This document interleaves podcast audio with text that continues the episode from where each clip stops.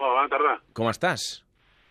Bé, molt bé, aquí de camí a entrenar. Uh -huh. I a més a més en un molt bon moment de la temporada, no? Aquesta setmana has fet un dels teus millors partits des que estàs a Chicago.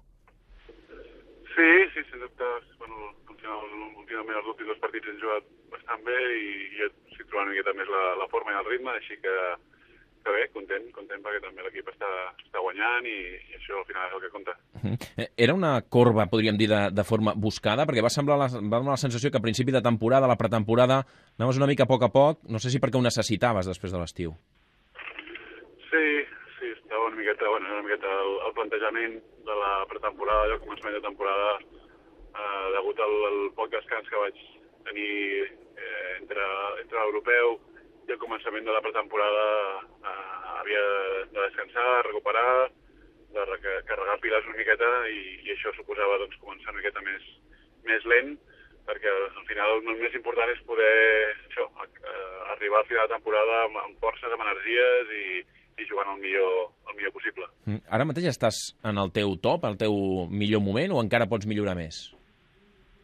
Bueno, ja, mica, en mica, no? Aquesta, la, la lliga aquí és molt, molt llarga, són molts partits i, i bueno, tens, tens setmanes o moments doncs, que et trobes millor, que estàs més acertat també i, i, i jugues millor, i altres doncs, que, doncs, que les coses igual no surten tan bé, però, però bueno, em trobo en un bon moment i espero poder continuar-lo i, i millorar-lo, si puc. Mm -hmm. El que continues és recollint reconeixements després d'una carrera espectacular. Ara fa uns dies el Global Impact Player, eh, el jugador més impacte global que t'otorga, a més a més, l'associació de jugadors, per tant, altres jugadors com tu, que no sé si això li dona un valor extra al premi, el fet que siguin jugadors el que, els que el donen. Sí, per mi, sens dubte, perquè no és, no és un comitè ni, ni, un, ni un grup de persones externs, sinó són companys de, de professió, són companys amb els que jugo i competeixo i, i això doncs, té, té un valor afegit important per mi, no? perquè són els teus propis col·legues els que, els que t'ho reconeixen i, i a més és un premi que, que no és només eh, en relació al bàsquet, sinó que és també eh, sobretot l'impacte que tinc fora, fora de la pista i, i arreu, arreu del món. Mm -hmm. què, et, què et falta per fer a l'NBA? Has jugat en algunes de les franquícies més mítiques, has guanyat anells, has estat jugador determinant, eh, has obert camí per molts altres que han anat darrere teu, eh, ara et donen aquest premi per l'impacte no només a les pistes sinó també a fora. Et falta alguna cosa, algun repte que diguis em falta això o vas eh, dia a dia i no, no et marques reptes? Per mi el repte és continuar aquest nivell el màxim de temps possible. Eh, allargar la meva carrera a, a, a un nivell molt alt i això crec que és el, el meu repte ara mateix i del dia a dia. No és que em falti alguna cosa en concret per aconseguir, sinó és eh, doncs poder als 35, 36, 37 anys eh, de la meva vida doncs, seguir jugant a un nivell eh, molt alt i envejable. És a dir, que no et canses, eh? que ningú es pensi que, que et canses de competir. No, no, no, m'agrada, m'encanta competir m'agrada molt el que faig, m'encanta el meu esport i, i a més doncs, tinc l'oportunitat de fer moltes coses gràcies, gràcies a la, a la posició que, que ocupo. Mm, segurament és un, una, de les, una de les claus del, del teu èxit, no? aquesta capacitat de competir, no? de mentalment ser molt fort, perquè tant és que vagis amb la selecció espanyola, tant és que vagis amb, ara amb els Bulls, abans amb els Lakers, amb el Memphis, aquestes ganes de, de competir, de demostrar que, que pots ser millor que l'altre. És un, un desig sempre de, això, d'automillora, d'autosuperació, de, de treball, d'ambició i de molta il·lusió pel, pel que faig, no? i també d'apreciar doncs, l'oportunitat que tinc de, de jugar a bàsquet, de, de passar-m'ho molt bé fent-ho i, i a la vegada doncs, és, és, una, és un privilegi no poder fer el que faig. Aquesta setmana hem conegut la decisió, l'anunci oficial de Kobe Bryant que deixarà la pràctica del bàsquet a final de temporada. És un jugador amb el qual tu no només has compartit vestidor, sinó que es va, va com a mínim a la distància, va fer la impressió que es generava una relació especial amb ell. Com, com has viscut tu la notícia?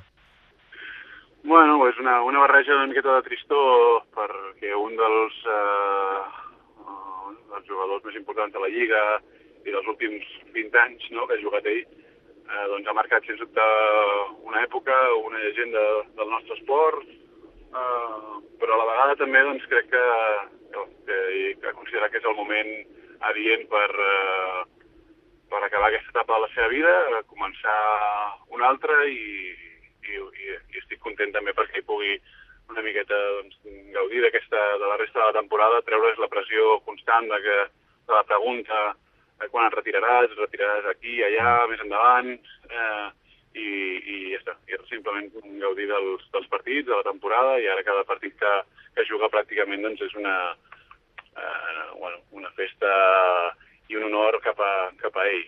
Mm -hmm. Un dels grans de la història, no? No només d'aquesta època més recent, sinó potser de la, tota la història de l'NBA.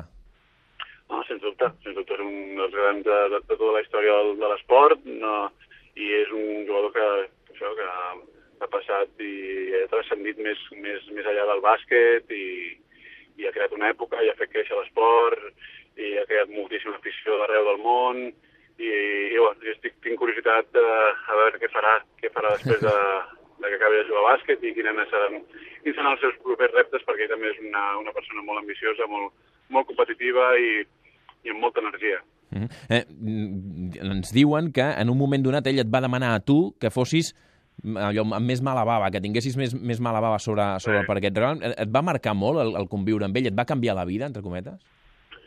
Uh, home, sí que vaig aprendre d'ell i, i, i bueno, una persona doncs, que, que jo doncs, li, li, tinc, li tinc molt de respecte perquè la seva capacitat de sacrifici, de treball, de determinació és eh, il·limitada pràcticament i, i està clar que sempre doncs, eh, jugar, eh, ha jugat i juga amb molta agressivitat i, i això ho transmetia als, als companys, no?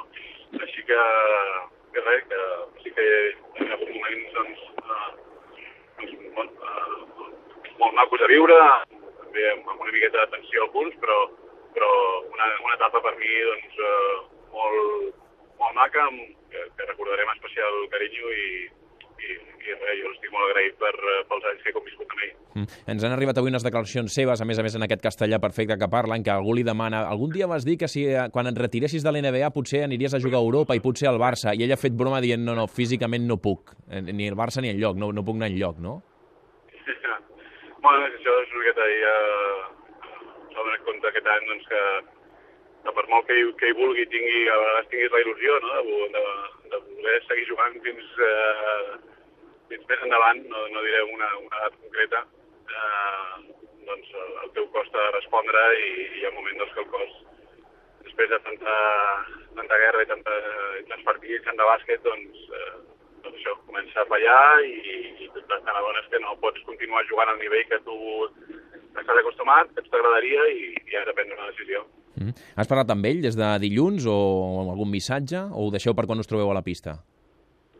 No, algun missatget, però no, encara no, no em puc parlar, però sí que sempre que, que coincidim doncs és quan, quan tenim més oportunitat de, de sentar-nos, anar a sopar i, i llavors a parlar tranquil·lament. Per tant, ha quedat la relació, eh? perquè a vegades hi ha alguns que diuen que si té un caràcter especial, però la relació la mantens. Sí, sí, sí, l'amistat sempre la mantinc i espero mantenir-la durant molts i molts anys. Eh, et canvia un altre nom propi, el del teu germà Marc. Tu has fet un partit espectacular, un parell de partits, portes en una bona ratxa. Ell, déu nhi l'altre dia 38 punts contra els Pelicans. Sembla que esteu picats sí. l'un amb l'altre. bueno, no, no, no picats amb l'altre no, però home, el Marc és un, un grandíssim jugador i, i, i bueno, està en un moment també, crec que bueno, els últims anys molt, molt bo, molt dolç i, i amb una situació de molta responsabilitat dintre del seu equip i, i res, molt, molt content. Jo sempre gaudeixo moltíssim quan el veig jugar eh, molt bé i fa aquest tipus de partits tan, tan especials i, i res, l'estava veient, així que eh, molt content i espero que, que en faci molts més com, mm -hmm. com aquell. Mm. Eh, et torno a preguntar per, per la teva situació, per, pel teu equip. Et veus lluitant eh, en la, amb Cleveland per, per l'est eh, i amb els Warriors pel títol, o potser és massa d'hora per parlar d'això? No, home, sens dubte, la nostra posició ara mateix és un segons de la conferència i, i volem lluitar per, per ser primers a la nostra conferència, no? perquè això ens donaria eh, l'oportunitat i ens posaria en una posició doncs, d'avantatge i, i, de, i de poder arribar a les finals i competir contra, contra qui sigui.